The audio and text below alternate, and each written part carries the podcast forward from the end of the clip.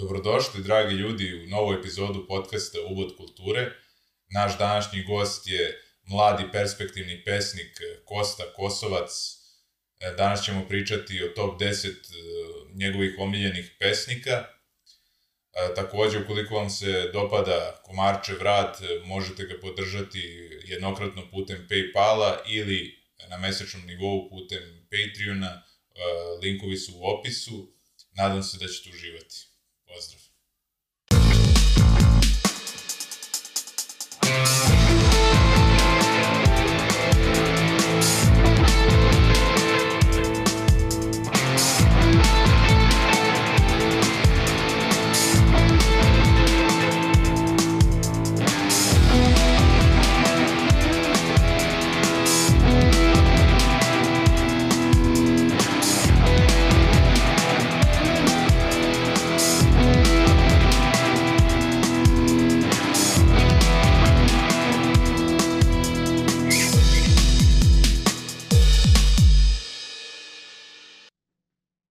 Kosta, dobrodošao u emisiju. Drago mi što si došao. Hvala, bolje te našao. Meni je drago da si me ti pozvao, ja te pratim kao radioaktivni komarca, znamo se neko vreme, tako da mi je čast da učestvujem i u ovom novom projektu. Hvala ti. Inače, Kosta i ja smo se upoznali e, na večeri poezije Dragana Kolundžije u Kularcu. To je bilo početkom prošle godine.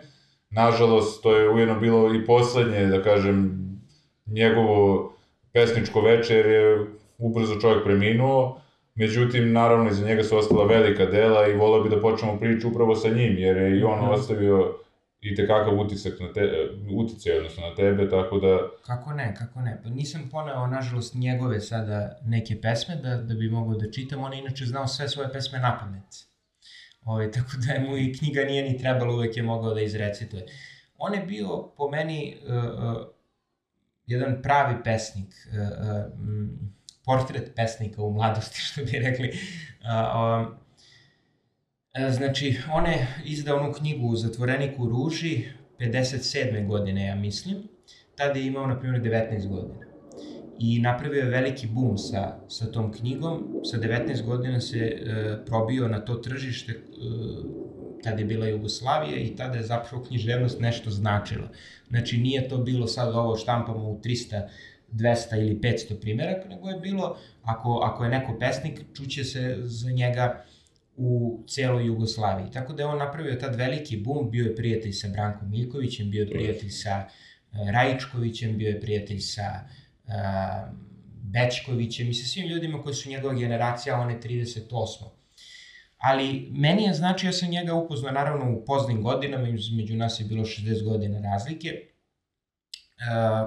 bio sam na njegovoj večeri u na, Narodnoj biblioteci, upoznali smo se, on je mene praktično odmah pozvao na, kod sebe kući, što je bilo vrlo jel da, prijatno da, da neko hoće tako da te ugosti. I tu smo, tu smo razmenili iskustva, pesme, odnosno ja sam njemu pročitao svoje radove uh, i tako smo se privikli jedno na drugo i onda sam ja često dolazio kod njega, na kraju mi je napisao recenziju, naučio me neke stvari o poeziji, uh, ne u smislu pisanja, nego u smislu shvatanja poezije, jer je on rekao, na primjer, malo neko bi rekao možda staromodno gledište, ali on je rekao kada čitaš poeziju, čitaj iz knjige, nemoj da čitaš s mobilnog. Lepše je prosto. Kaže, ja, ja kada neko čita s mobilnog, ja ga ni ne slušam. Druga stvar, kada čitaš poeziju, ustani. Znači, e, razne te neke stvari, sad neću ustajati ako budem čitao poeziju zbog, zbog kadra, ali uh, imao je jedno veliko poštovanje i goreo je za poeziju, što bi rekli, mislim da su ga tako čak i opisali, da, da je čovjek bio koji je non stop 24 sata goreo za poeziju. Tako da bi mnogo bilo žao, eto, zbog korone je otišao, ali veliki pesnik i bit će upamćen sigurno. pa i na, i na toj večeri su o njemu govorili Matija Bečković i Ljubivoj Ršumović i baš je Matija Bečković rekao jednu anegdotu kad je on ostao sa još jednim pesnikom, sad ne mogu da setim sa kojim, na otvorenom moru, pa kad je rekao nisu ga uplašile ni to otvoreno more, ni ajkule, ni ne znam šta, nego se kao uplašio drugog pesnika, ali on Da, to u da. šali napisao pesmu o tome, tako da ono, imao je i smisla za humor i tekako. Yes. Tako da, a sad bi možda ovaj, počeo, e, ti si skoro objavio svoju prvu zbirku pesama I volao bih možda da čujemo i neku pesmu iz te tvoje zbirke. Da pročitam nešto. Tako je. Dobro. Može, naravno. Ja sam objavio prvu zbirku pesama, Džemperi za kamenje, u izdanju Srpske književne zadruge. I sad ne znam koju pesmu bi mogao da pročitam. E, najpoznatije je kad prodajemo kuće, ali ja mogu da pročitam i neku drugu ako... Koju god ti želiš Da. i misliš da je... Evo samo da vidimo, na primer... Evo poezija, na primer, za sad. Poezija. Napiši celu zbirku pesama, pa je baci u vatru. Napise domaće rakije. Pobegni s pesničke večeri i vodi ljubav u javnom toaletu. Podigni revoluciju, pogini u ratu. Odnesi ružu Branku Miljkoviću na grob, zamonaši se i ovekoveči dušu svoju Bogu ko najlepši kolač. Napusti fakultet i pobegni u Francusku. Recituj svoju poemu Prosjaku, zaveštaj svoje organe i napiši epitaf na grobu. Nauči žene da lome čaše i da ne plaču. Sedi bar dva sata u potpunom mraku, pusti svoju krv na knjizi ko posvetu. Čudi se neprestano svemu, divi se odronu, divi se plamenu, tada ćeš znati da poezije ima najmanje na papiru. Divno, svaka čast. Kosta, inače Kosta je 97. godište, e, tako da je on tek na početku svoje karijere, ako možemo tako da kažemo, mislim, pesničke karijere. Da, Ali ja bih te isto pitao, šta ti misliš o ovim ljudima koji pišu pesme e, čisto da bi se kao dodvorili ženama, mislim, u smislu da nisu pravi umetnici, nego jednostavno, eto, kao Da. da, bi došlo do što više žena. Misliš Da. da toga ima kod svih pesnika ili misliš da je to ono odlika nekih Ne. ono kvazi, da kažem, pesnika? to, to je...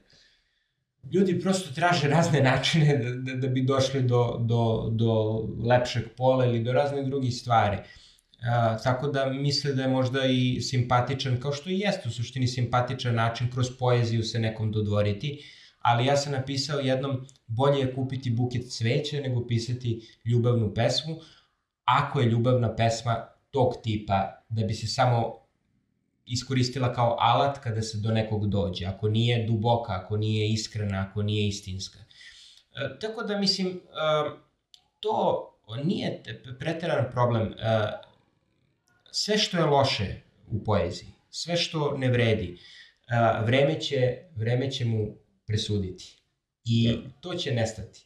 Tako da to ako je aktuelno sad, nek bude aktuelno to, zapravo nema nekog velikog značaja. Uh, da se osvrće čovjek uopšte na to.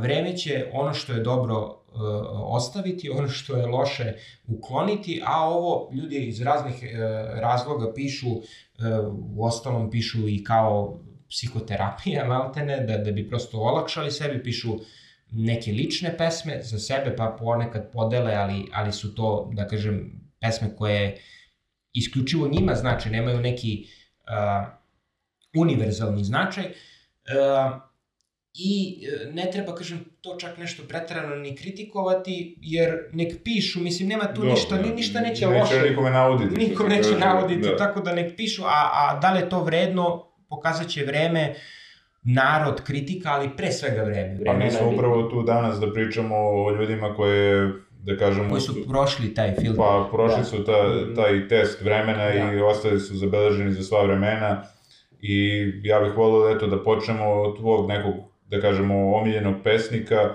Ti si mi, ti imaš mnogo omiljenih, što se kaže, pes, pesnika, Da. ali ti si ovde izabrao nekih deset koji bih Mhm. po, pomenuo, pa ajde da vidimo ovaj, koga bih prvo pomenuo. Dobriša, Dobriša Cesarić, hrvatski pesnik, to, to je meni omiljeni, omiljeni pesnik, zbog čega, pa, e, e, prosto, e, ja bih rekao, jedan divni melanholik, znači bio je melanholičnog e, temperamenta, mislim da je, to piše negde, da, da je tri puta pokušao čak i samoubistvo. Nije mi zbog toga omiljen, ali hoću da kažem, da je imao puno tuge u sebi, e, da je imao puno, naravno, talenta, da je, da je imao jednu melodičnost koju ja jako cenim u poeziji, a, ritam, melodičnost i ritam, e, da je imao jednu dubinu i kratkoću. Kratkoća je isto jako bitna, zbog sažetosti poezija je po tome svojstvena da je da u malom kaže mnogo, za razliku od romana, jel da? Zato mnogi smatraju vrhovni izraz da je poezija, Naravno, ne treba to porediti da li je bolje roman ili, ili poezija, ali hoću da kažem, e, dosta je bitno da e, tu negde pokazujete svoju pesničko umeće, moć, da u što manjem kažete što više. To ne znači da je haiku najbolji, onda je haiku ne. najbolji ako kaže u tri. Ne. Ali, ali hoću da kažem da, da, da je to Dobriša radio na jedan uh, fenomenalan način. Ja sam čuo, evo mogu jednu anegdotu da ispričam za, za Dobrišu Cesarića i vezano za Krležu. Krleža je bio naime, e, po onome što smo čuli, e, ono što sam ja čuo sa svih strana, jeste da je bio neprijatan čovek. A, I bio je drug sa Titom. Bio je drug sa Titom, to već govori nešto. Mislim, sad evo odmah mi se rađe jedna druga anegdota gde je Mihiz a, javno u petici na pravnom fakultetu isprozivao Krležu i to mu Krleža nikad nije oprostio jer je tu napomenuo da je Krleža imao potpuno suprotne stavove sa Titom, Đilasom, Rankovićem i tom ekipom, a, gde on nazvao tri ovna, zato što Milovan, Ovan, pa onda ne znam koje su to još bilo, pa tri ovna i tako dalje. Međutim, kad je video kako stoji situacija posle a, drugog svetskog rata, ko je, ko je osvojio vlast, onda je on naravno prišao i, i nije uopšte... On se inače i plašio mnogo i i Đilasa, Milovana Đilasa mislio da će ga zaklati i tako, pošto je Đilas važio za krvnika. Ali da, da ne, ne odemo predaleko, te sam kažem za Krležu, znači nije bio prijatan čovek a, po tim pričama, na primjer Kiš je pričao o njemu da je bio super prema njemu, ali generalno. A, I onda je Dobriša Cesarić jednom otišao u kasne sate, bilo je na primjer tri uveče, tri ujutru, jel da, kako god, a, i, i, i, i donao je svoje rukopise sve. I rekao je, sačuvaj ovo, jer ja idem da skočim sa mosta. Da izvrši sam ubistvo, kažem, bio je sklon tome, prosto melanholik. I on mu rekao, šta ti mene u tri sata noću uznemiravaš, a ja beži smo u Praga. Znači, otprilike tako mu je odgovorio, potpuno surovo, hladno krvno. Da, da, da. E sad, kasnije je to Krleža objašnjavao tako što je rekao da je on to uradio da bi ga otreznio. U smislu Aha. da bi ga malo kao... Da, da. Um, kao da je krenuo da ga ubeđuje, možda ne bi imalo e, da, efekta da, ovako kao odnosno, briga. Odnosno da je prihvatio te uh, rukopise, onda bi ovaj možda otišao i skočio da, da, stvarno. Da, da. A on je teo da ga malo odbije i na taj način... I, i stvarno ga je u neku ruku možda i spasio, jer se on nije ta, nije, da, ubio, da, da. Nije, nije skočio ali mu to Dobriša nikad nije uprostio. On se ni na kraju nije ubio, ni doživio starost. Tako je, tako, tako da, da, on se ni na kraju, ali mu Dobriša to nikad nije oprostio i uvek ga je smatrao zbog toga prosto neiskrenim prijateljem i, i, i tako. Tako da je Dobriša bio jedna, ja mislim, vrlo emotivna, duša. melaholična da. duša, da, koja je to tako, a poezija njegova je fenomenalna prosto. Eto, to me podsjeti malo i na Hesea, koji je takođe, ono, ovaj, pokušao samoubistva i, ono, pisao i u knjigama i se videlo kao da je on, kao, rekao u određenom vreme ću kao izvršiti samoubistvo da bi on kao sam sebi odredio kad je kraj njegovog života. Međutim, do kraja mhm. nije to uradio, da. ali to mu je bila kao neka, da kažemo, priča. Koja... Ali on je bio i u ludnici, na primjer. Da, da, da. Dobro, on je išao i kod uh, Junga, tako da, na terapije, da, tako da... da.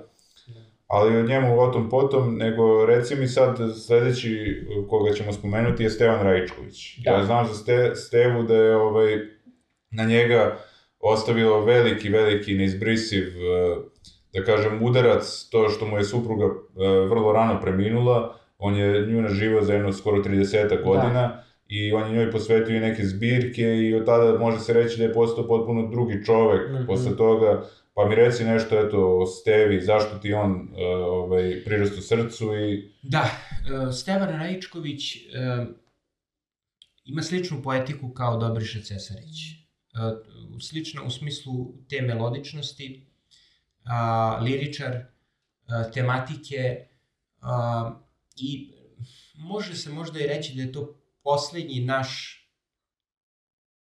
istinski veliki pesnik. A, odnosno, prijemčljiv u onom da, pravom da, da. smislu. A, Uvijek se setim njegove uh, pesme, poema, uh, ne poema, nego izvini, nego njegove pesme Nebo, e, koja je bila u lektiri. Da, imao je ovo, da, mislim da znam uh, nebo, ali uh, meni su ostale, na primjer, više neke druge, i tu sam i obeležio, evo možemo i pročitati, jedna pesma od tih je Moj život si videla izbliza, tako, da, da. tako ide nekako. Ili u mojoj glavi stanuješ. Ili u mojoj glavi stanuješ, ili njegova, verovatno, najpoznatija Kamena uspavanka. Uh, Stevanić, pa da, on je patio verovatno za super, pa to je logično, to je, pa čak kažu, blagosloven je onaj koji ode prvi, znači, jer ovaj drugi će patiti, ako, ako je to pravi brak, da. ako je to ako je to onaj brak kakav treba da bude, onda, onda su to sigurno a, sigurno uh, mnogo teške emocije. Ono, mi mislim, znamo i iskustva da, da kad si s nekom devojkom dva dana pa, pa žališ, moraš da preboliš, a kamoli kada si sa suprugom nekom 40 godina i kada ste skladan par. Uh, tako da Raičković je sigurno to kao i svaki umetnik emotivno doživljavao. Kolundžija, opet samo da se vratim, posle, na primer, smrti svoje supruge, nije pisao uopšte poeziju. Znači, više uopšte nije napisao ni jednu pesmu. Da to nisam znao. E, znači, supruga mu je, na primjer, preminula četiri godine pre nego što je on. Aha. Ali nije mogao, nije bio u stanju više da napiše i to je malo i zbog toga što mi pesnici ono, smo na neki način malo i nesposobni. I onda žene pre preuzimaju ulogu a, i onu racionalnu i, mislim, hoću da kažem, e, pomažu u raznim stvarima, i, i oko onih plaćanja računa, i oko raznih, i onda verovatno se mnogo ljudi vežu zato što je žena u tom braku velika podrška za jednog umetnika, jednog pesnika koji je rasejan, a žena ga na neki način vraća e, na kolosek, vraća ga na, na životni put i velika mu je podrška. I onda bude teško. A recimo jednu stvar, može recimo pesnik da napiše tužnu pesmu, a da je u srećnoj vezi ili u braku ili da li može to da, da, da li to nešto iz prošlosti, nešto u njegovoj posvesti ostalo ili... E, da, ja mislim može. da može, e, da, da, da pesnik može u sebi da nosi motive koji su, koji su stari, koji su iz nekog drugog doba i koji se razvijaju postepeno u njemu i... Čini mi se to, na primjer, recimo u Crnjanskom, on je bio u braku sa Vidom, a pisao je pesme koje su pretežno, da kažemo, tužne. Mislim, da, zato što neke stvari ne mogu odmah da se napišu. Da. A, a, a, na primjer, ratna literatura neće odmah posle rata se pojaviti, nego će se pojaviti 10 godina posle rata, jer treba da se neke stvari u čoveku a, slegnu, razviju i tek tad da nađu svoj glas. Tako da u tom smislu sigurno da on mnogo u sebi nosi stvari koje treba da, da nađu svoj život, Uh, i pa da... i na kraju krajeva pesnik ne mora da to bude njegovo lično iskustvo, može se, se osjeća s nekom osobom i da... Pa dobro, ovaj... da, ali tu su se već polemike vodile. Da. Naprimjer, tu su se već polemike vodile, tu je Brana Petrović, ja mislim, vodio polemike, da li uh, pesnik mora nešto lično da proživi da bi pisao o tome ili ne, tako da je to malo... Uh, znači za polemiku nije, ne, ne možemo jasno reći da li, da li je to ovako ili onako, uh, Ja znam ali... proze da možeš ono, razgovaraš sa nekim i sad ono, taj te čovjek inspiriše, recimo, ne znam, ja kad pišem knjige, meni se desi možda pričam sa nekim da mi ta osoba bude inspiracija za neki lik i onda možda nisam to ja, ali ono, mogu da osetim to šta, šta on da. osjeća. Kako e, pa to je stvar. Da... Šta je tu, tu u, u, suština? Ja mislim da je suština što pesnik, odnosno umetnik ili nebitno pisac i tako dalje, mnogi stvari proživljava unutra. Da, da. Znači, u tom smislu ne mora da se desi neki događaj ako si ti taj događaj doživeo iznutra, ali moraš da ga doživiš iznutra. Ako ga nisi ni iznutra doživeo, onda, onda nema priče. Onda to nije iskreno. Da, nije, onda nije iskreno. Onda je to uh, samo taj neki spoljašnji efekt. Moraš da doživiš iznutra.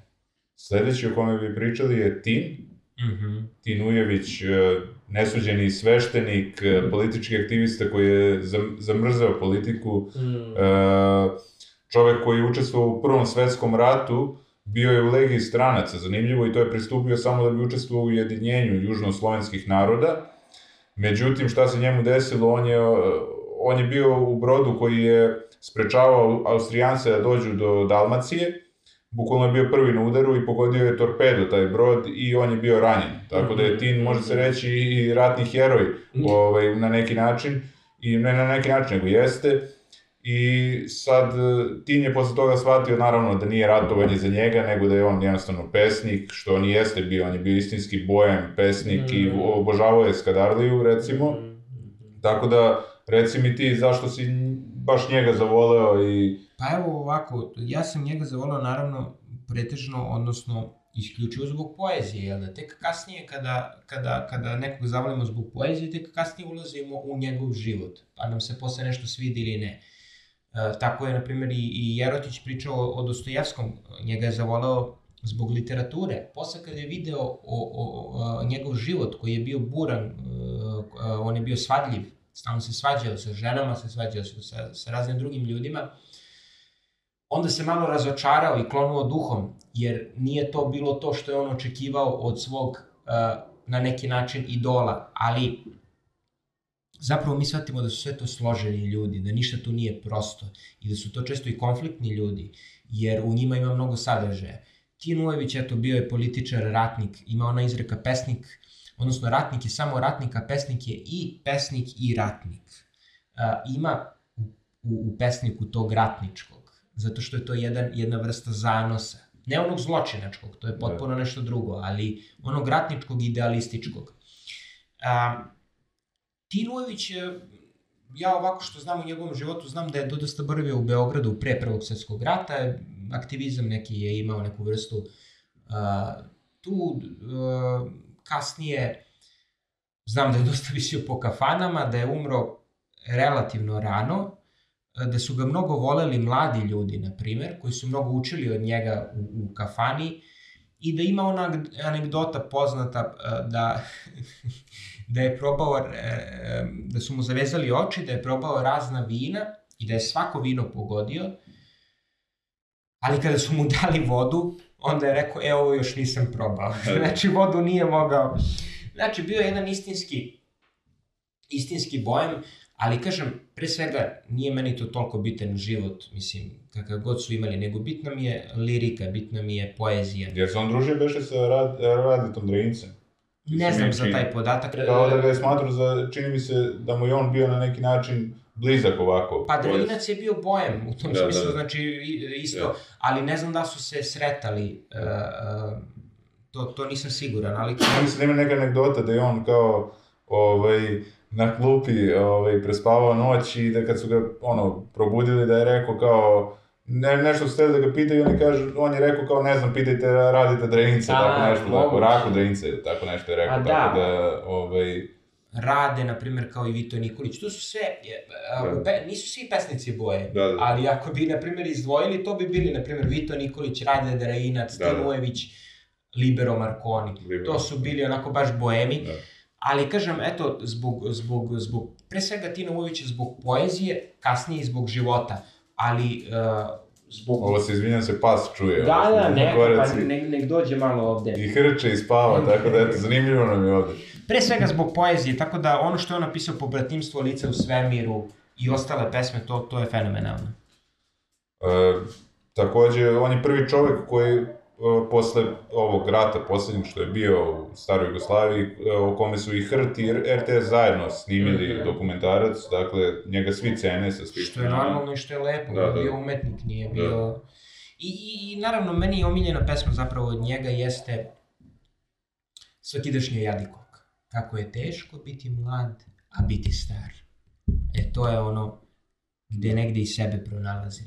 Zato je meni Tinujević jedan od najvećih. Ali eto, i Dobriša i Tin su, su hrvatski pesnici, ali su fenomenalni pesnici. Jesu. To nema šta, nema, mislim, ne gleda... Mislim, ne treba to gledati ne pod treba. Da, da, po naciji, nego jednostavno, da. eto, stavili smo listu kao nismo se ograničili na srpske pesnike, nego Nismo. jednostavno... Ja, ja sam ovo sve smatru domaćim pesnicima. Da, da. Pa, znači, naravno, ovde, ovde nema, zajednička... tako je, ovde nema ni jednog stranog pesnika da, da. u smislu izuzev Jugoslavije. Znači, da. to su domaći pesnici, ljudi koji pišu na ovom jeziku koji mi govorimo, tako da sam to računao i e, Dobrišu i e, Tina, ovde nisam napisao, ali i, na primer, e, Izet Kiko Sarajlić, koji je Sarajlija, i Enes Kišević, koji će biti i tako dalje.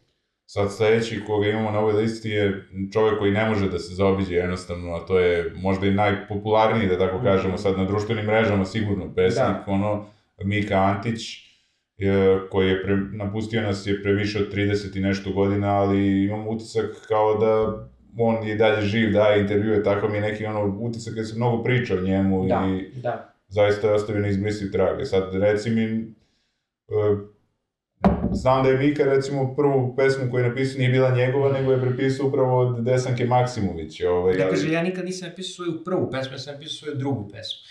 Prvu pesmu je uzeo od Desanke Maksimović, tada je on valjda išao u osnovnu školu. E, i sad šta je tu on teo da kaže zapravo tom anegdotom? Da je tu pedagogija bila dobra. Znači, taj radnik pedagoški, što je bio učitelj njegov, je dobro postupio. Zašto? On je njemu, on je svoju, jel da, predstavio e, Desankinu pesmu kao svoju. A Međutim, to je video taj učitelj i prepoznao je, vjerojatno je znao, znači, o, o kojoj se pesmi radi. I on je poklonio njemu kasnije, na kraju školske godine, kada su generalno ti pokloni e, ovaj, e, davani, dao mu je zbirku pesama Desanke Maksimović, gde se upravo nalazi ta pesma koju je on uzeo za... Znači, na, na jedan subtilan način mu je dao do znanja da, da je on ukrao pesmu. Da su, znači, nije ga isprozivao pred celim odeljenjem ti si uh, uh, ukrao pesmu, sram te bilo i tako dalje, kao što neka pedagogija se vodi, kao što je Evo sad, I on bi verovatno, izvini što te prekidam, ali verovatno bi živao na toj slavi što se kaže ceo treći razred osnovne škole i tu bi se možda završilo ovako njegova slava večna, jer on je shvatio da mora nešto sam. Jer mu je na jedan subtilan način dao do znanja, a ne da ga povredi. Da, Da, da, da. kaže, e, on je mali kradljivac, sram Da. te bilo i Da. tako dalje. To je ona pedagogija koja je pogrešna. Da. To je ona pedagogija koju nije sad bitno, ali, ali koju je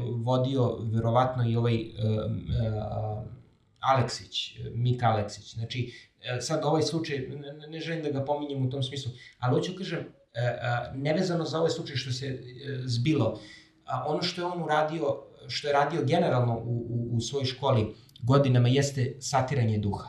Da. Ja nikad nisam za tu vrstu pedagogije. Ne možeš ti, one, otprilike, Imamo onaj film, izvini što te prekidam, tako je, Vi Pleš, kako se zove, onaj sa bubnjarom. Aha, E, e, tako je je. njegov Ja, ja, profesor tako ja taj film strog. mrzim. Ja taj Da, film mrzim, da, na da. primjer. Zašto? Upravo zbog toga. Da. Strog, ali, ali ne samo strog, nego ubijanje duha. Da, da. Nije poenta, ovo je debeo, i onda kao ti mu kažeš ti si debeo. Ne radi se to na taj način. Da, da. Ovaj, I on kaže, pa ako mu ne kažem ja, reći će mu uh, odeljenje, Da, kao, da. ali nije to to. Ti možeš da to kažeš opet na neki subtilniji, nego je samo stvar koliko si vešt i koliko želiš da se potrudiš. Tako da ako sam protiv nečega, ja sam protiv ubijanja duha u čoveku, Ma, da. a, a, a, a, a, na, a na ovaj način, sad se vraćamo na Miku, e, je, je subtilno taj pedagog, profesor, koji je očigledno dobar, dao do znanja Miki da je ukrao i da to više ne radi i onda je Mika naravno krenuo svoje da piše i onda je to bilo fenomenalno kao što znamo. Inače, Mika je bio svestan, to znamo, on je bio moler, on je bio bokser, on je bio mornar, on je bio pesnik, on je bio režiser, on je bio uh,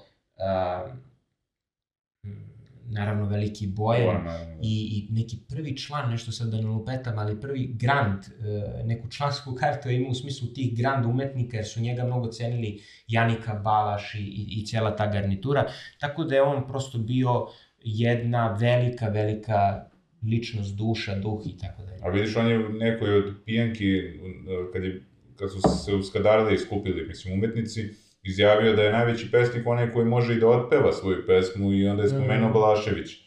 E sad tu vidimo da, je, da. Da. da je, tad je Balašević bio mlad, izuzetno mlad, čuo skoro, da. I onda možemo tu da vidimo da Mika uopšte nije bio niti sujetan čovjek, mada ja smatram isto da kod tih, da kažem, najvećih umetnika, možda to u sportu ima sujete svakako, ali recimo Mhm. kod, e, svakako ima i umetnosti, ali eto, to mi je odlika isto velikog čoveka da jednostavno on se dokazao za sebe i on nema uopšte ovaj razloga da se poredi sa drugima i Naravno.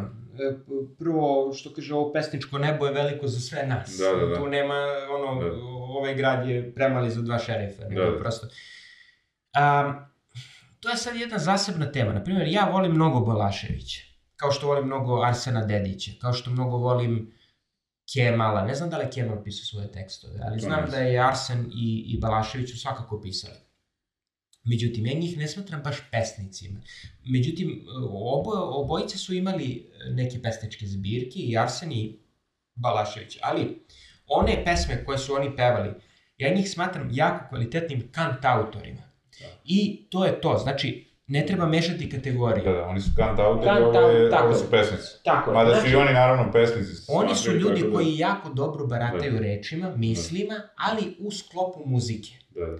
I sad kad bi se baš to izolovalo od muzike, kad bi se samo reči uzele, ne bi baš to bilo to kao kad bi se uzela neka pesma, prava poezija, i kada bi se uporedili. Ali u sklopu muzike i u, u aranžmanu muzike to ispadne fenomenalno. Znači, što hoću da kažem, ne treba muzika da teži da postane poezija, niti poezija treba da teži da postane muzika.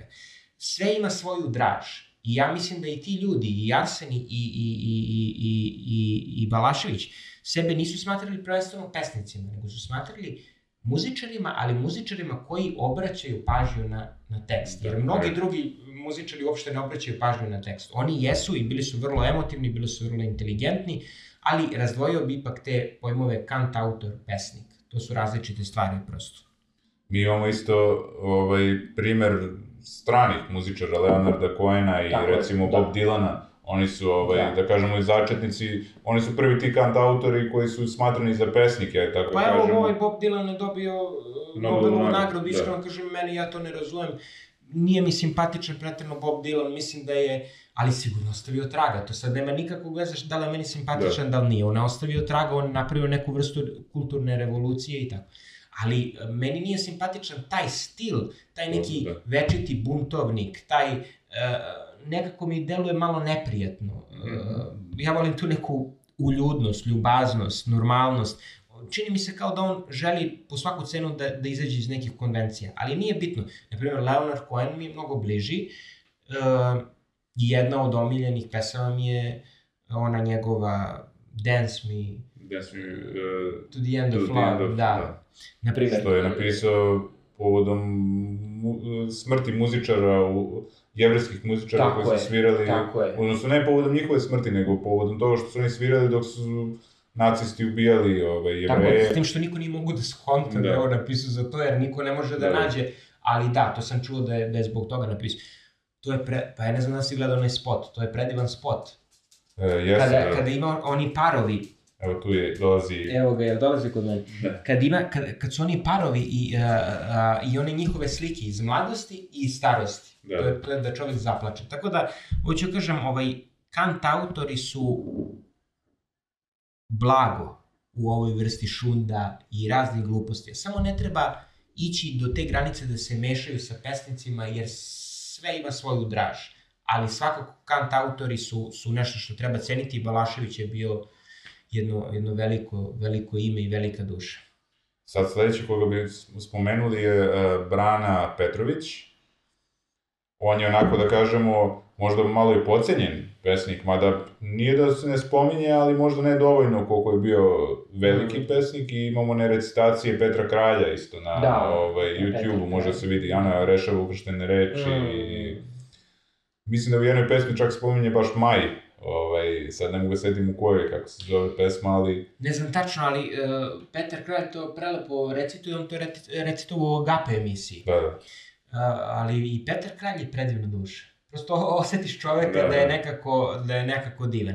A, Brana Petrović je uh, prvo bio veliki duh u smislu, bio, imao je humora čovek, bio je vrlo, e, vrlo, vrlo, ovaj, ne ono smešan, nego kako se kaže, duhovit, znači Duhovit, bio je da. duhovit. A, drugo stvar, imao je veliki talent, e, a, da li je on završio filozofiju ili ne znam tačno, ali, ali je bio i filozof i pesnik. Ima jedna e, pesma gde kaže Boj bio i filozof i pesnik. Ja mislim, izvinim da je on bio novinar, takođe. On je bio novinar i tako, pa dobro, to je, to je srodno. Da. Pisac, pesnik i onda novinar. Šta ćeš da budeš nego novinar? Ali evo, Da, mogu i da pročitam boj, ne? njegovu pesmu Možeš, možda neku. Što da ne? Uh, Počeo si ovo za boj, ne bije... Uh, ima Boj Bije, pesnik i filozof. Uh, znači, u tom smislu samo da, da vidim da li je to u ovoj, pošto, evo, ja imam ove dve knjige, to Da, su da. sabrana dela, znači, u ove dve knjige crvene su sva uh, dela Brane, stava. Bio. Tako da, ovaj, onda, onda možda i nije Imam pretrano ih ja negde mnogo stanu, napisao. našao sam ih na ovaj, sajmu knjiga. Inače, prodavali su te zbirke po, po, po vrlo povoljnoj ceni, što je meni malo bilo onako, da kažem, i poražavajuće, tako veliki pesnik, a ono, Da. čitavo njegovo delo cene, mislim, dobro, ajde, mislim, nek bude pristupačno svima, naravno, ali jednostavno... Dobro, sad ima ova knjiga, uh, evo dok nađem, ima ova knjiga uh, monografija Miloša Crnjanskog. I to je Da. sigurno sjajno odrađeno, međutim ja gledam, košta na primjer 17-18 hiljada. Da, Malo je to, preterano. to je pre... Znači bolje je Da. da, da bude čak i, i, Ali kad smo već kod e, Crnjanskog, ti kad si spomenuo Stevu Rajičkovića, treba reći da je on, da je njemu Crnjanski bio veliki uzor i da je čak e, Rajičković na kraju spalio svoje neke rukopise koji su mu ostali i samo mu je ostala e, ta neka zbirka koju je, u, u kojoj je, u stvari nije zbirka, nego... Ko je spalio, Rajičković? Rajičković, da, da. Mhm. Pred kraj života je, mislim, spalio. da, da, da, spalio je neke svoje rukopise koji su ostali i ostalo mu je samo, na, kad su našli pored kreveta, mu je ostala e, zbirka u kojoj je pisao ovaj, baš o Crnjanskom stvari. Da zbirka ili... da. Ja, ja, dnevnik ja ne neki, znam, ja znam tako da da. se Rajičković družio sa Andrićem, na primer. Da ga, da ga je Andrić često, odnosno da je Rajičković često Andrića posjećivao na moru, su se družili. I da ga je tad jednom prilikom pitao da li piše poeziju. Pošto Andrić u početku svog književnog rada pisao, ima eksponto, jel da, ono, Ne. zbirku, ovaj, i onda je rekao Andrić ne. Ali zašto ga je pitao Rejčković? Zato što je osetio u, u, u njegovoj prozi je osetio pesničku crtu. A mnogi kažu, i to je izgleda tačno potpuno, da je Crnjanski u svemu što je pisao, pa i Seobe i svi drugi romani, da je bio pesnik. Da, da. Znači da on nije mogao da po, pobegne od te jedne poetičnosti. Ali evo jedne pesme e, Brane Petrovića, koja je odmah na početku ove, ovih sabranih dela njegovih i koji kaže ovako. Prihvatih dar koji su mi dali bogovi da bi me uz pesme proždrali.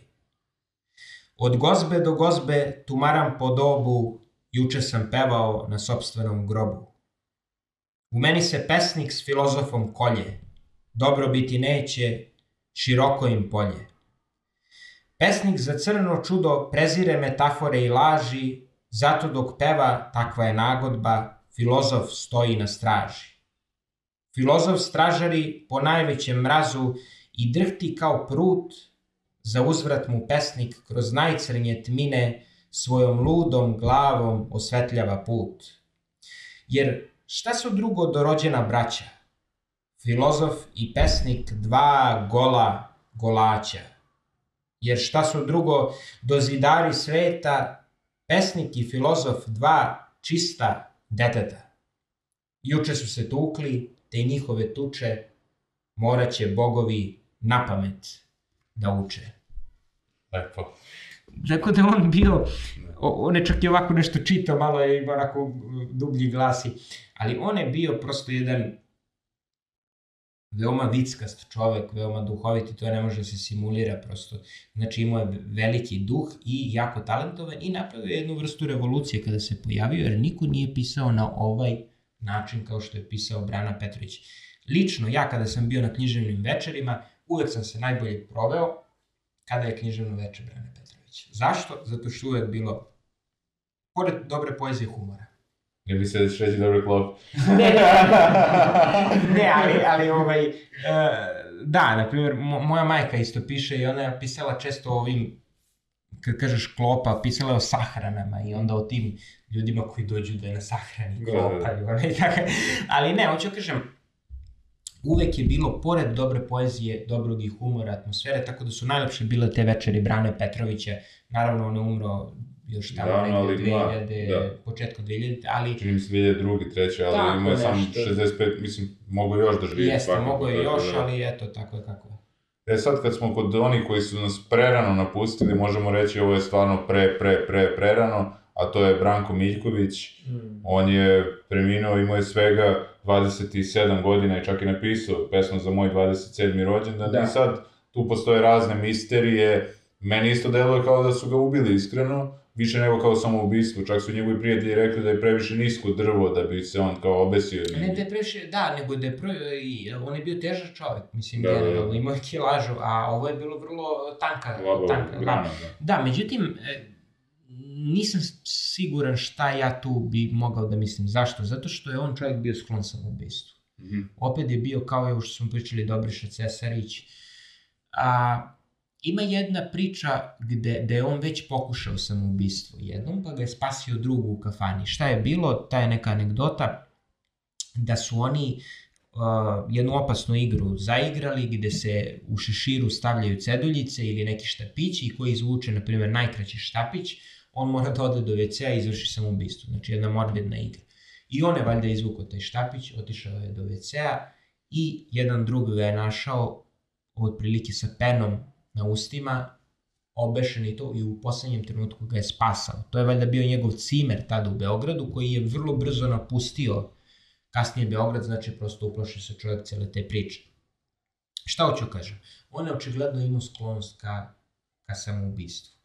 I a, generalno ovde u našem društvu je dosta to omiljeno teorije zavere. I onda uvek će da kažu, pa možda je bilo i ovo, ne možemo ni da znamo. Znači, to se priča iz Majakovskog, iz Esenjina, koji da. su izvršili samoubistva. A, da, pa za njih, ono, e, oni su bili pesnici revolucije, pa na taj način možemo reći da... Da, pogotovo su, Majakovski. Da, da, bili trn u oku mnogima, e sad, Da, ali, ali, ali su bili pesnici revolucija, a ovi su, jel da, Stalin i Lenin su, znači, došli na vlast, tako da, da e sad, mislim, tu su bile razne čistke, jel da, u to, u to da. vreme u, u, ubijeni su umetnici, ali hoću kažem, ne možemo da znamo, mada ja lično, ako se, ako se ja pitam, više mi deluje da, da, da je on prosto negde pogođen životom, raznim nekim stvarima koje može da oseti jedan umetnik, a, nekim ljubavima, nekim ovo što smo rekli uzaludje budim, ali mislim i drugim patnjama. Gde se slažeš sa njim, ono što je rekao da je pola svetske poezije napisano zato što neko, neki pesnik nije imao hrabrosti da izjavi da, ljubav, da, da. eto kroz pesmu, kroz poeziju. Jest, jest, Ili je ono jednostavno ostao nesrećan jer nije izjavio i... I on je rekao, pesnik je taj koji leči, uh, u drugima leči bolest od koje sam umire. A, tako da u tom smislu ja mislim da on čovjek sigurno koji je, koji je dosta patio. I, i, i u tom smislu je moguće da je izvršio sa, sa da ima konkretno neki primjer za neku devojku, ženu koji je bio zaljubljen ili... Pa imamo ovaj, uh, ovu pesmu uh, Uzalude budim, mm -hmm. to, to, je, to je nešto Do. mladalački, ali to je bilo za devojku koja je poginula u drugom svetskom ratu, koja je imala, ja mislim, svega 12 godina i Uzalude budim je da ne možeš da probudiš Uh, On je to i video, čak, čak čini mi se i te kasnije. Kad kako je nose. Da, da, da kako je nose da. kod komšije je video sliku njenu i tada mu je ovaj sinula ali, inspiracija, da kako bi rekao. Mislim. Da, ali otkud znamo koliko prosto u jednom senzibilnom biću, koliko je on se zaljubljivo, patio ili zbog nekih milion drugih nekih stvari. On je, ovaj, nešto iza Tita, mislim, pisao neku pesmu, pa je čak uh, sašio neko crveno odelo da bude lep za Tita i to, međutim, Tito ga nije na kraju ugostio. Um, ali to je zasebna tema, uvek taj nesklad između političara i pesnika koji, koji se nikad neće zapravo razumeti, jer ovi žele da ovi pesnici budu dvorski pesnici, odnosno da služe ideologiji, a pesnici, a, a pesnici ako su pra, pravi pesnici nikad to neće raditi, tako da... Meni je to, to isto važno i za ostale vrste um, umetnosti, nekako mi je uvek, ono, mislim, jednostavno treba se protiviti vlasti, posebno kad se vidi da je ona nepravedna, mislim, i mm. kroz i dobar je i način, dakle, kroz umetnost, tako da to ostane i zabeleženo na neki Ma da, način. Ma da, prosto ne, ne bunt radi bunta, da, da. Ali, ali prosto ti si živo biće, živiš u nekoj da. okolini, ta okolina da. nije dobra i onda imaš svoj glas. Da, da. E, tako da, a, ono što si ti rekao, na primjer, a, koji su bili pesnici zapostavljeni, odnosno skrajnuti na ovaj način, često je tu bila, uvešala se politika. Jer ti kad kažeš skrajni, prvo se postavi pitanje od koga skrajnuto, od publike, kritike ili trećeg faktora. Najpresudnije je taj treći faktor. Jer publika i kritika je prepozna u principu kvalitet. Kritika nekad ume da, tu imamo primjere Skerlića sa Disom, sa Pandurovićem, sa Isidorom Sekulićem, Sekulić kad je kad je, kad je, kad je bio oštar, možda preterano Jovan Skerlić, ali uh, Ali hoću kažem, uglavnom se tu politika umeša svoje prste, a političari nemaju, nemaju nikakve veze sa umetnošću i sa estetikom, nego oni traže neku ideologiju u tome i onda tu uvek džumbus nastane. Mada među, i među nekim političarima je bilo pesnika, tipa, dobro, spomenuli smo Tinu Ujevića, ali on je to pre pesničke karijere shvatio da nije jednostavno politika za njega, ali znam da je recimo Brana Crnčević, čini mi se, bio i političar i pesnik. On je tamo osnovao SNS čak ili ne znam šta je. On je Mislim da nije. radikale, nego je- bio radikalima, pa je posle pomogao osnivanju SNS-a, koliko ja znam.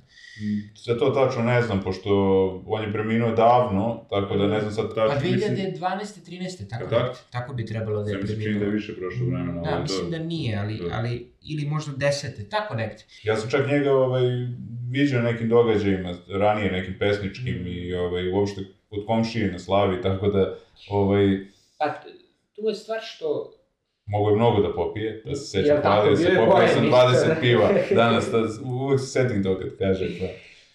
Ne, on je bio isto duhovit, jako karizmatičan čovjek.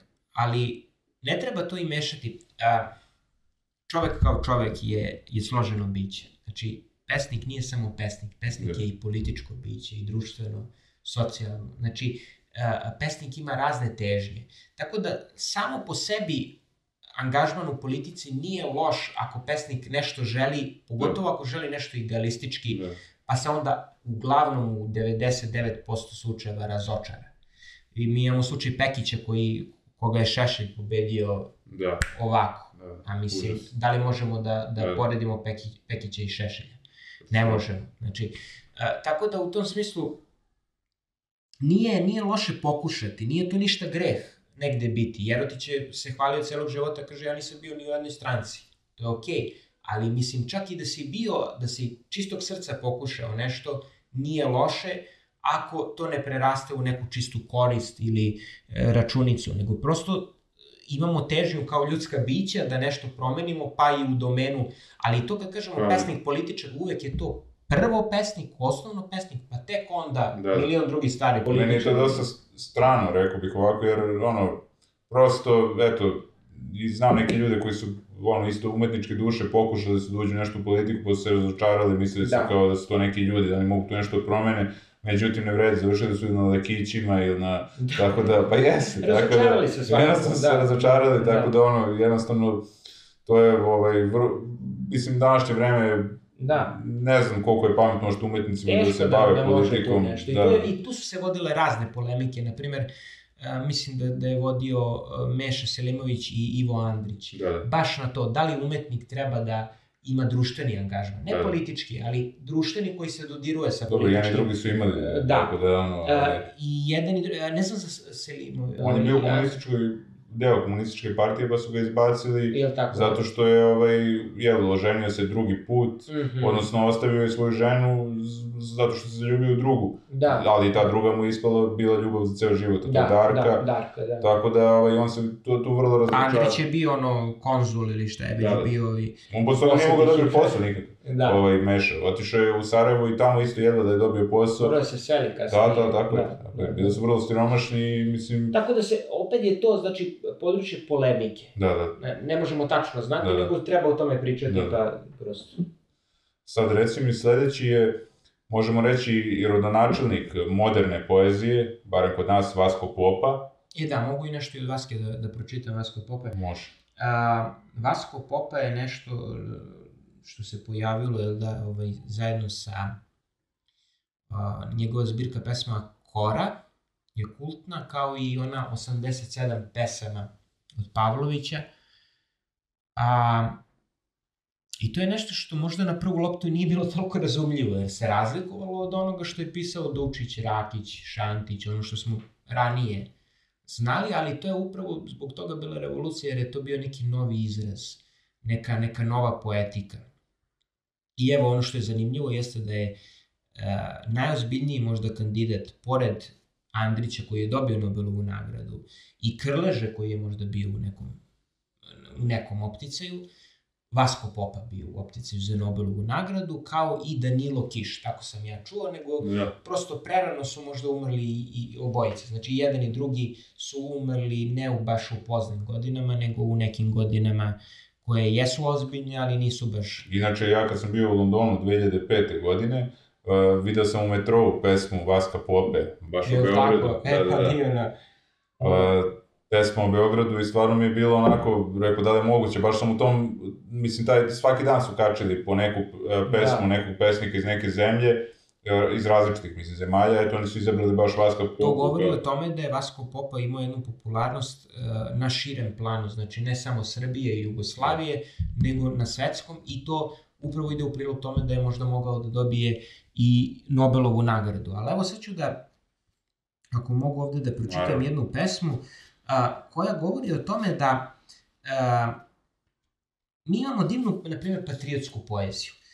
A, ali Tu je Oskar Davičo i... Oskar Devičo, da, ali da, Oskar Znaju. je bio, na primjer, komunista, jel da, pa, pa su mu prebacivali te neke stvari, da je dobio tri puta Nina, Da. dok, na primjer, Andrić nije ni jednom dobio, Crnjanski je dobio jednom, valjda Andri, Andrić nije ni jednom, nije sad bitno, ali hoću da kažem, patriotska poezija se verovatno imala svoj neki razvojni put.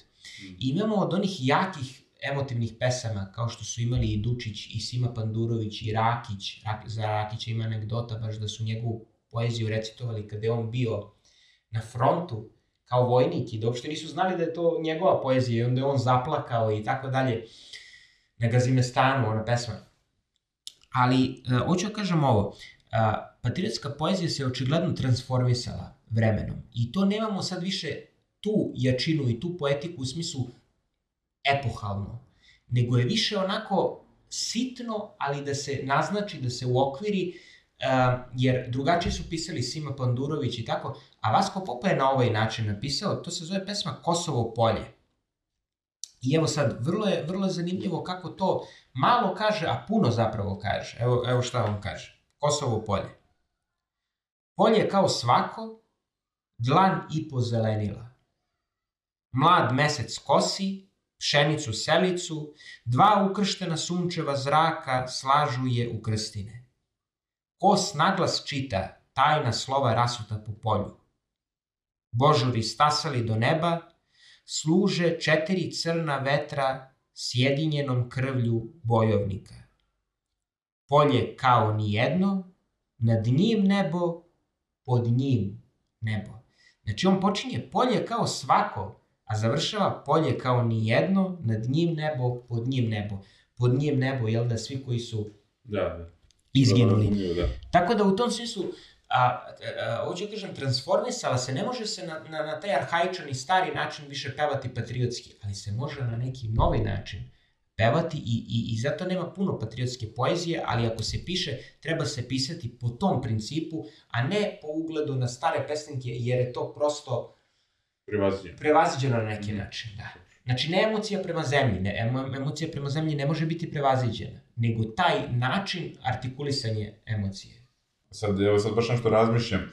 Da li je Vaska Pop ili Vaske Pop? Ono kad se... Vasko Popa, Da. znači Sad, da li je Vaska Pop ili Vaske Popa, to mi je, ono... Vasko, Vaske Popa, da, ne znam, to, to smo se, da. Dobro, tako mu je ime da... Malo, malo vrlo specifično, Da, da. da. A inače on je dosta pesama isto kao Očuj tvojih da nije, on je posvetio to svojoj supruzi uh, Jovani Singer, uh, koja je živela u Vršcu i njen otac je bio imućan i on je njima, ne znam, da neko imanje prepisao, ne znam šta, ali oni su se odrekli toga u korist građana, u korist nekih Mhm. siromašnih ljudi, tako da je bio izuzetan čovek. Evo možemo i to reći, uh, anegdotu koju ima u sto portreta Matija Bećković, a, a to je da kada je pisao pesmu o, o Popi, uh, jeste da uh, je iskoristio znači, jednu anegdotu gde je monah uh, zaklao se na zavet ćutanja uh, i valjda ga je tad Bećković posetio u manastir i monah je samo progovorio, znači prekršio je zakletvu samo da bi pitao da li je dobro popa. A Bečković je otprilike pokazao glavom da nije, da je tad već umro. I onda je još nešto sve, e, ovaj, monah rekao. Znači u tom smislu pred takvim ljudima se i krše se i, i, i, te zakletve monaške i tako dalje. Očigledno je on bio e, veliki čovjek, ne možemo to znati iz neposrednog iskustva, ali po pričama prosto i naravno po poeziji. E sad, sledeće, sledeće je jedno žensko ime, a to je verovatno i naša najpoznatija pesnikinja Des, Desanka Maksimović, pa sad ti meni reci o, šta, Da. jer ti smatraš isto da je ona, onako da kažemo, ostavila najveći trag od pesnikinja i šta te to, to kod nje toliko... Da. Da, da, da, pa... Mislim da je to, mislim, mi... Od pesnikinja, nažalost, ne možemo sad tu puno znati ono... a, m, Mira Alečković, na primjer. Da, one su bile partizanke i... Tako je, tako je, da. Desanka, uh, Desanka je predivna. Ja, ja, ja sam čuo da je ona izdala 100 knjiga za svog života, 100 knjiga, znači Svaka čast. to je neverovatno. Dobro, ona je živela zaista dugo. Živela 100, 100 godina, 100 knjiga, ali 95. da. A, prvo moram kažem da mi je krajnje odvratno ovo što je, što je ovaj, Basara iskoristio u romanu Mhm. a, nešto, neke motive za desanku. I, Dakle, ja sad nisam čitao roman, jer obično tako, znaš, kad... pa tako nisam neko- ni ja, ali, ali da ti kažem, čak Ali- ni ne moraš da čitaš, ako, ako je to tako, ovaj, onda čak ni ne možeš da čitaš. Da, da. Prosto Jer ja, da znaš, ono uvek razmišljam, čekaj, ono, mislim, kad neko okači odlomak i ne znam šta, možda je taj lik u knjizi loš. Pogledaj ceo kontekst Da, da, da, i sve. Da, ali, ali- ali ono, otkud znam, ali- znači koji, koji lik je u knjizi izjavio to, ali to mi deluje isto kao nešto što, da bi se izazvao nekakav šok, nešto, ovaj, tako, Tako, je, da... tako je, to je sve proračuno, ali, Da. ali, ali... Ali da svakako ja kažem- za desanku nikad tako nešto ne bi niti Nikad napisao, ne treba izjavio, tako nešto da. e, potencirati i uopšte kad staviš u, kon, u kontekst cijele te neke ličnosti, Da. Basare, Da. ako ga poznajemo u smislu njih, njegovih stavova kao Da. javne ličnosti, onda znaš otprilike. Pa on je meni na neki način kad daje neke ovaj, intervjue vrlo mlak ovako, rekao bih, ovaj, da uopšte nije, ne kaže svoje neko mišljenje. U odnosu na književnost svoju, da, Da, da, da, da, književnost mu je da, da, književnost smo oštrije, ali kad treba da intervju, Da. kad treba da nešto kritiku, ne znam šta, on je vrlo onako povodljiv. Da, da, da, ali to su stvarno neki, Da. ja, ja tu vidim ipak, e, em, koliko god ne želeći da, da zadirem u te neke stvari i u Da. tu problem, problematiku i uopšte u tu podelu, jer ima Dušan Kovačević onu knjigu 20 srpskih podela, mi se non stop delimo, Tako je. na razne. ali stvarno njegovi, njegovi, e, autošovinisti. tako je, ali njegovi stavovi stvarno liče na drugo srbijanski. A, a, a, šta god sam čuo, Da. tako mi je zaličilo. Znači, ja ne želim da a, njega osuđujem, ali hoću kažem, a, to mi je prosto bilo ogavno kada čujem o jednoj pesnikinji koja jeste simbol svega čistog. Za nju nema Da. ni jedna negativna stvar.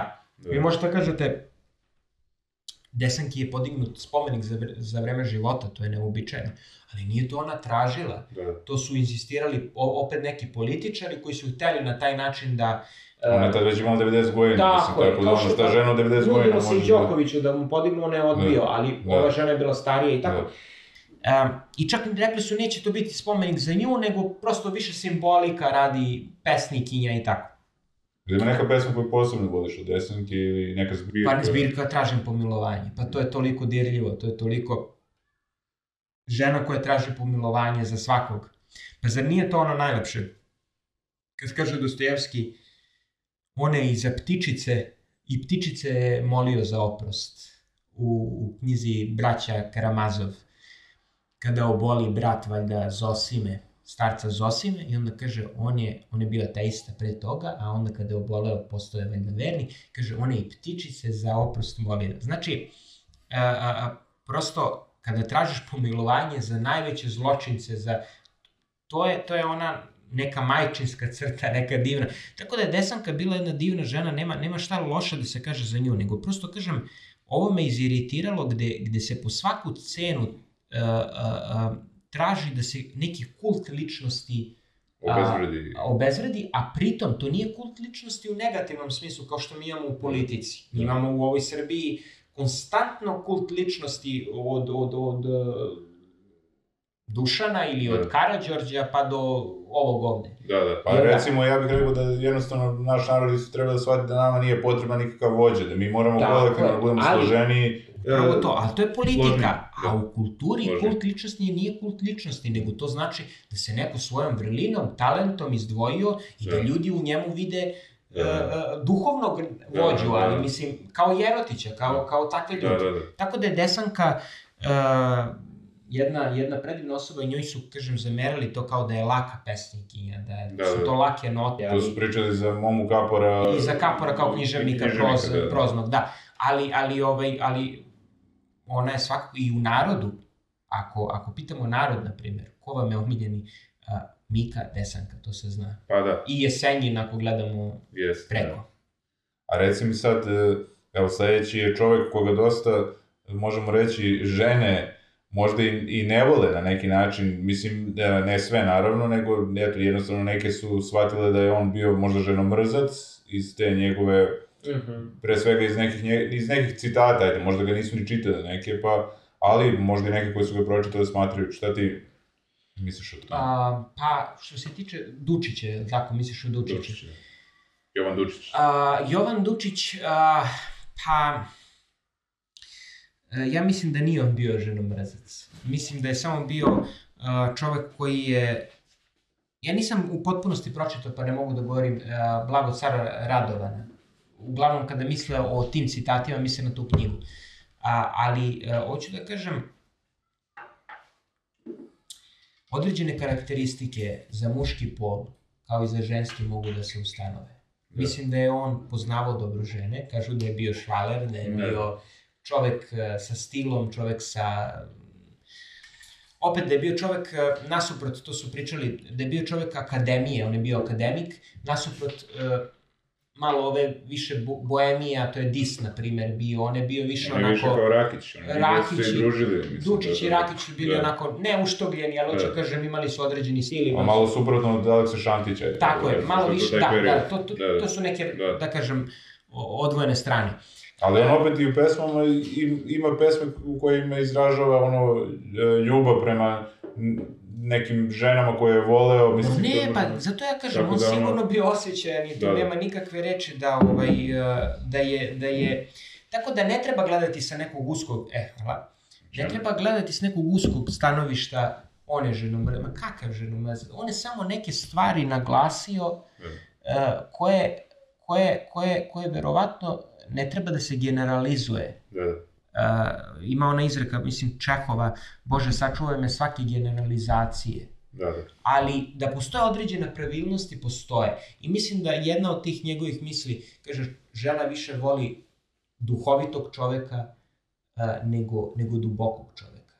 Jer čovek sa dubokim nekim mislima, sa nekim, možda može na neki način da uguši ženu. Da, da. A neki... Ali ne, neke žene to odmah misle kao mi smo glupe pa nećemo to Da, ne treba na taj način, Da, nego, da. nego prosto žena je jedno veselo biće. Da. Ne površno, nego Da. veselo. I, i, i, i, i životno biće. Da. I onda ako kreneš sa nekom dubokom filozofijom, ako kreneš sa nekim stav, na neki način možeš da je oteraš od sebe u uš. Tako da imao, Dučić je imao tu neke, ja, ja mislim da je imao pravo za neke. Naravno ima i različitih žena, tako da ono, ne možemo Znači, ništa da me generalizujemo. Može svaki generalizacije, ali određena pravila Da, da. postoje. E sad, stigli smo i da na tvojoj listi jedini živi e, pesnika, to je Enes Kišević. Da. Reci mi nešto o njemu, šta, Da. koje ti, e, šta najviše voliš u njegovom stilu, šta to... Čoveko, čovekoljubivost. Čovekoljubivost, veliki čovekoljubac, voli čoveka, voli ljude, kosmopolit. Kosmopolit samo po sebi nije, ne mora da bude, mislim sad, kosmopolit je dobra stvar, ali i patriotizam je dobra stvar. Mislim to sad, ali nije bitno. Hoću kažem, Enes Kišević je dobar pesnik pre svega i dobar čovek, tako meni deluje. Nisam ga lično upoznao, kontaktirao sam s njim, poslao sam mu svoju zbirku, odgovorio mi je lepo, to mu se zahvaljujem. A, ali mi deluje kao jedan čovek, a, duševan čovek a, i čovek koji je bio puno opet anegdota, koji se družio s našim glumcima, koji se družio sa Šerbeđijom, koji se družio sa Zoranom Radmilovićem. Naprimjer, bilo je zanimljivo sa Zoranom Radmilovićem da, da se on družio sa njim i onda jedno veče su imali neku pijanku, a tada je već bio Zoran bolestan, Mhm. o, teško bolestan. I oni su se rastali. I Radmilović je bio već u, u automobilu negde na, na putu, mislim, to već kilometraža ih je razdvajala, međutim, setio se, Zoran se setio da ga nije zagrlio. A to opet simbolično, zato što je to možda poslednji zagrlje, jer je bio teško bolestan. I on se vratio, na primjer, ne znam, 100-200 km, samo da bi došao pod prozor Kiševića i da bi, i da bi, i da bi rekao, dođi da se jednom zagrlimo, jer je to možda bilo poslednji. Eto, Zoran, on je umro pre 36 godina, a meni deluje kao da je čovjek još živ, zato što toliko je aktuelan još uvek. Mislim, ne još uvek, bit će on uvek Kako aktuelan. ne, kako. Ali, ono, Zoran Radmilović, da je on umro pre nego što sam se ja rodio, to Da. mi je jako čudno, jer ono, imam utisak da je prisutan taj čovjek danas Pa više to- nego ikad. Pa to je Tako večnost, da, to je da, večnost u da. nekom smislu. Sad večnost nam nudi religija Da. i večnost nam nudi umetnost. Da. I večnost nam nudi još i neke oblasti prosto Da. i, i, i, i, ratni, i ratništvo nam na neki Da. način nudi večnost. Hoću da kažem, ako je neko kvalitetan, ako ima duha, ostaće u narodu. Sad, koliko će ostati, to ćemo videti, ali eto, imamo primer, primer Njegoša, imamo primer Svetog... Znači, to su ljudi koji ostaje vekovima. Znam da je Crnjanski izjavio, kaže da ovaj, sve nestane, da se sve spali, da samo ostane e, dela Crnjanskog, da bi to, to je dela Crnjanskog, ne Crnjanskog, izvini, Njegoša. dela Njegoša, da, da bi ovaj, to bilo dovoljno. Da, da, da, da. da. O, dovoljna kultura za, Za ošta, za za ostavština. ostavština, da, da. za- Mm. tako da Njegoš, može se reći da je njega mnogo toga počelo, tako da, Pa da, Ali- ali... Naša neka lirika savremena je od Njegoša, od Radičevića i Njegoša Da, da. počela. I onda se razvijala ovde ovako, mada smo mi sad ovde na, nabrojali uglavnom relativno savremene, nismo pominjali ma ima tu mnogo imena, ali mi smo Da. eto, o, teli zbog formata da izdvojimo deset Da, da. tvojih, da kažemo, možda prvi koji ti padne na pamet, Da. ali svakako i omiljenih, tako da, E, sve smo pomenuli, jel tako? Jeste. Enese, da. I sve. A reci mi, jer ima još neko ime koje bi spomenuo, možda... Pa ima svakako, kažem, tu ima, e, ako počnemo od ovih starijih pesnika, od Zmaja, koji nije bio samo dečiji, ne treba njega gledati kao sam, e, samo dečijeg pesnika, zatim Laze Kostića, na primjer, koji je bio i doktor pravnih nauka, a, zatim a, Šantića, koji je bio fenomenalan, koji ima lepe patriotske pesme i svake druge, a, Milutin Bojić, a, a, Milan Rakić, Evo sad su Milutin Bojić uklonili ime ulicu u Nišu, čini mi se. Što je stvarno... Ne znam zašto, mislim, to je Da, takva da, da. bila veličina. On je mlad umro čovjek, Da, ali, je, ali, ali mnogo se ostvario, da. da, napisao je plavu grobnicu. Poginuo napisao je, i druge pesme. mislim, patriota, pesnik, Mm. fantastičan. Pa on može do, dosta se poredi sa Disom, isto, Dis je mlad otišao, malo stariji je bio, ali su obojice otišli u prvom svetskom. Da. Čak je Dis, e, eto to isto mi je zanimljivo, Dis je imao predosećaj kako će, čak i napisao ovaj zbirku. Utopljene duše, Da. tako je. Da. Reci mi, misliš da imaju pesnici tu neku moć e, tih vizija, e, budućnosti, Pa, možda da predosete pa očigledno, očigledno kod njega da, da je to bilo. Ja ne volim tu generalnu priču, znam da je to dosta zanimljivo za narod, kao one predosete, Da, da. one Dobro, prorok, one... zavisi kako se piše, na koji način se Na piše, koji način, ali da. ovo su neke činjenice da se tako zove zbirka, da ovo je, ovo je, ovo je užasno, u- užasno mistično, užasno da se čovjek zapita kako, Da. kako je on to e, predvideo, jer on stvarno jeste predvideo svoju smrt. A, ali ima tu mladih pesnika, to je, ovaj, ima ona izrek, kaže, pesnik je pesnik ako umre mlad. Znači, sramota je doživjeti neku starost. To je govorio i Duško Trifunović, na primjer, koji je bio isto sjajan. I koji je pisao i tekstove za razne. Ali, ali ovaj, hoću kažem, To mnogo je Pero Zubac, njegov prijatelj. Pero Zumac je eto, živ. koji je živ, da. A, Pero Zubac, na primjer, je imao ovu Mostarske kiše koja je, koliko sam ja čuo, u 20 miliona primjeraka u Rusiji štampan. Da. Znači, to nije niko Da, nije šala. postigao, da, to nije šala. Tako da, kažem, mnogi, mnogi, mnogi su umrli kao mladi, eto, kao i Milutin Bojić, na primjer, Radičević, e, Miljković, Dis. Bilo je, bilo je tih, tre- vjerojatno bi mnogo mogli još da ponude, ali, e, ali eto, kažem, Petar Pajić, na primjer, je dobar, on je umro 2017. godine, njega nismo pomenuli, on je napisao, bio sam u Srbiji, Srbija je na robiji, znači jedna patriotska, ali e, kritična, kritička Da. pesma, znači jer patriota nije samo oni koji besomučno hvali svoju zemlju, to je neki prosvećeni patriotizam. A, Kolundžija, naravno, a, naravno i Ljubav, Bećković da. i svi ovi ljudi, ali i ovi stariji, kažem, pesnici, mislim, ne možemo Šantića, ne možemo Rakića zaobići, ne možemo zaobići nikoga od njih, i, na primjer, Izet, Izet Kiko Sarajlić, i mi uopšte nismo sad pominjali strane pesnike, na primjer, ali za, zašto nisam pominjao strane pesnike? Zbog prevoda. Mhm. E, Misliš da su u prevodu gubi mnogo Da, da, da, njihove ima, ima jedna izreka, a, poezija je ono što se izgubi u prevodu. To ne mora da znači ako je dobar onaj Da. koji prevodi. Ali, ali u suštini mnogo je bolje da vi znate taj mater, na- na- ne maternji, nego da, da znate taj jezik, na primjer, e, ovaj, nemački, francuski, to pa da čitate izvorno, nego da čitate u prevodu. Ali opet i prevod treba gledati ako je neki poznati pesnik preveo, onda mu treba verovati. Naprimjer, sonet 116 od Šekspira je preveo Rajičković, e, to je onda onako vrlo kvalitetno urađeno. Tako da... Kosta, hvala ti i možeš još da nam kažeš za kraj da li imaš neke planove za budućnost, neka zbirka nova ili nešto? A, pa za sad nema materijala da, da bi mogao nešto, ali, ali ovaj, piše se polako, sprema se, tako da ja mislim za jednu dve godine možda nešto bude novo. Mogu za kraj da pročitam neku pesmu, Može, da je to odjavim sa tim. Naravno. I da kažem da sam prosto zahvalan Srpskoj književnoj zadruzi što su uopšte pristali da me štampaju kao mladog, jer je to izdavačka kuća koja ima dugu tradiciju i koja možda i nije navikla da mlade autore štampa. Tu je među ostalom i Bečković, i Nogo, i Đogo i tako tako da Kako meni, odabrano društvo? meni je čast prosto. Um, ali evo, na primjer, da pročitamo nešto, samo da vidim koju, uh, koju bi pesmu mogao Ajde, ovu pesmu nisam često čitao. Ne volim da čitam one pesme koje sam često Dobro. čitao, možda bi najbolje bilo da pročitam kad prodajemo kuću, ali evo, pročitat ću Opasno je. Ja imam ljubav i ruke što gladuju. Hajde, šta čekaš, dolazi. Opasno je ako me se dohvate ideolozi, njima trebaju ovakvi koji će za misao da stradaju. Ja imam ljubav i u srcu staru veru. Hajde, šta čekaš, dolazi. Opasno je ako me se dohvate teolozi, njima trebaju ovakvi da svedu ih na svoju meru.